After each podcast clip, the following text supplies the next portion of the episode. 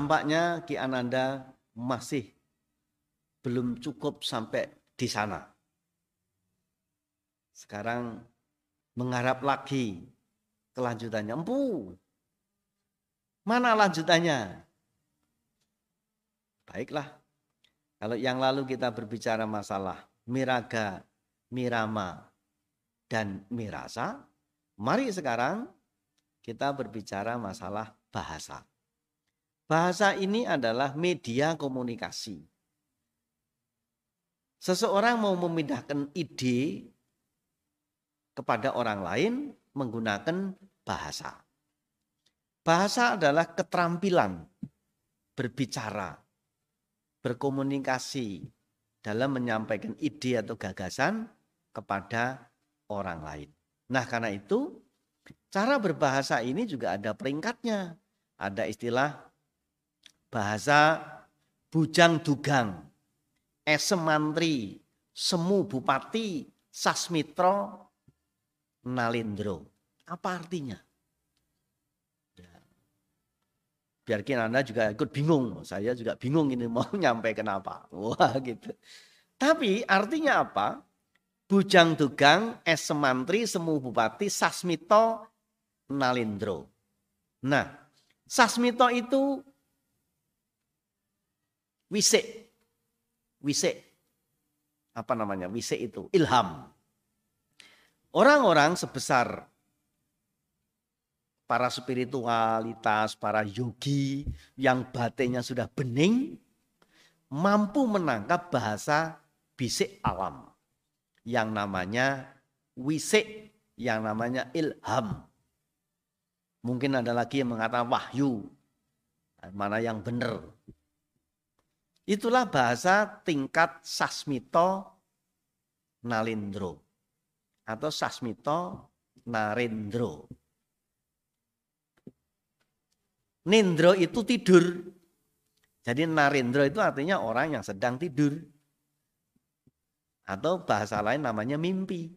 Nah, banyak yang terjadi berangkat dari mimpi, tapi nggak semua mimpi itu bisa terjadi. Karena ada orang mimpi karena banyak tidur. Ada mimpi karena nggak bisa tidur karena stres.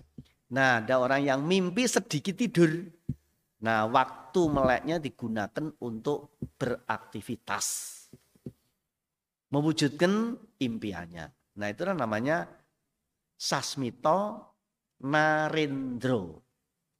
Jadi Narendro sama dengan Nalindro ya. Harap, harap dibedakan.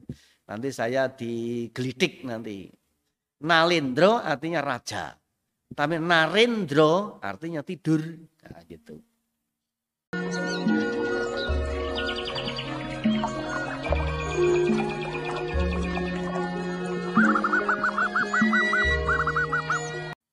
Nah, yang kedua adalah semu bupati. Bupati ini adalah raja-raja.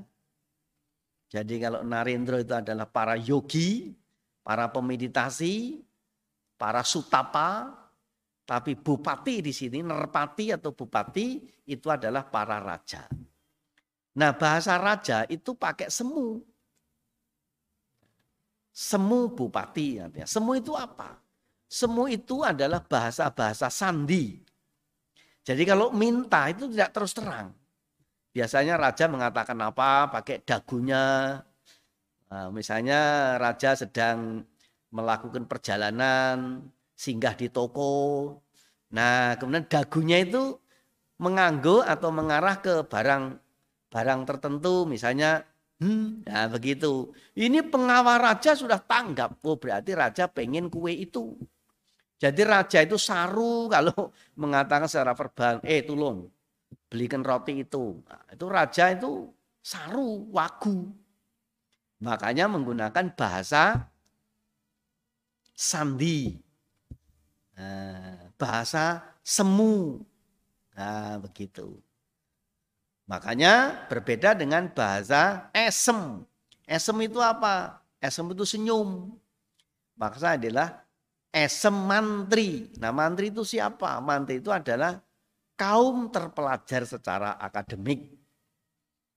Nah misalnya setingkat apa ya birokrasi, guru, polisi, eh, pejabat-pejabat birokrat, dokter, itu kalau berbahasa pakai bahasa senyum.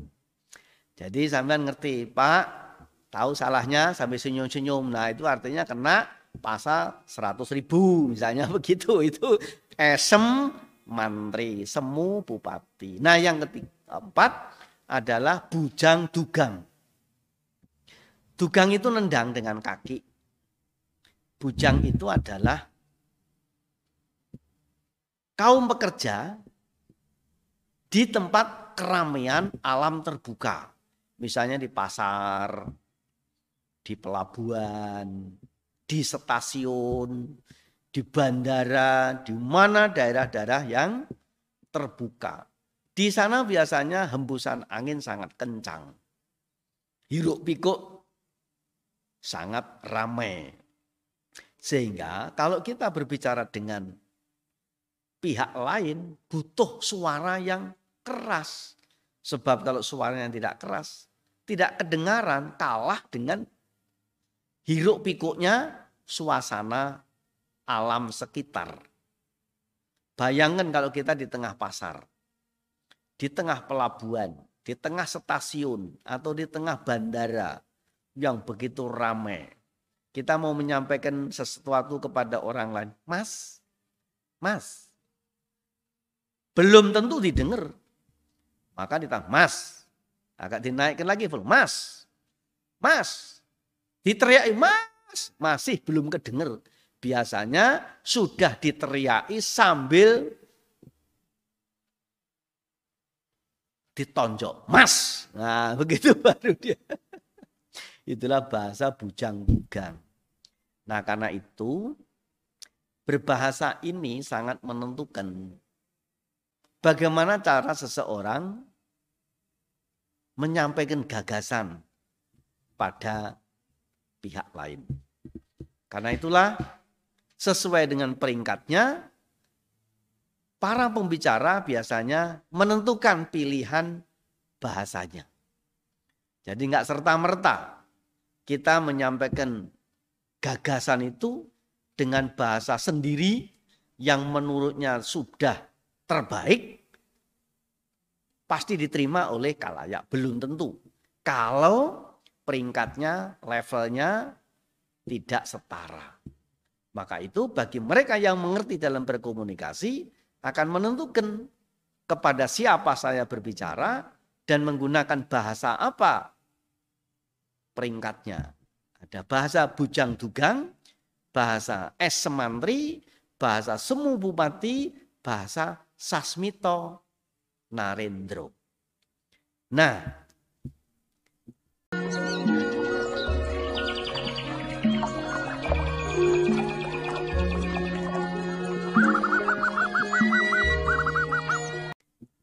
Itulah cara berbahasa. Maka dari sana bahasa menjadi penting sebagai alat ukur sebuah peradaban. Maka kalau orang ngomong dengan cara ngomong seperti itu dengan mudah kita ukur. Oh, ukurannya sampai di situ. Begitulah cara kita berbahasa pada lingkungannya. Nah, bahasa ini bisa disampaikan dengan tiga saluran.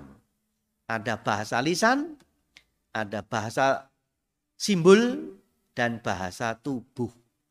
Bahasa lisan berbeda dengan bahasa simbol, berbeda lagi dengan bahasa tubuh. Bedanya seperti apa? Tunggu.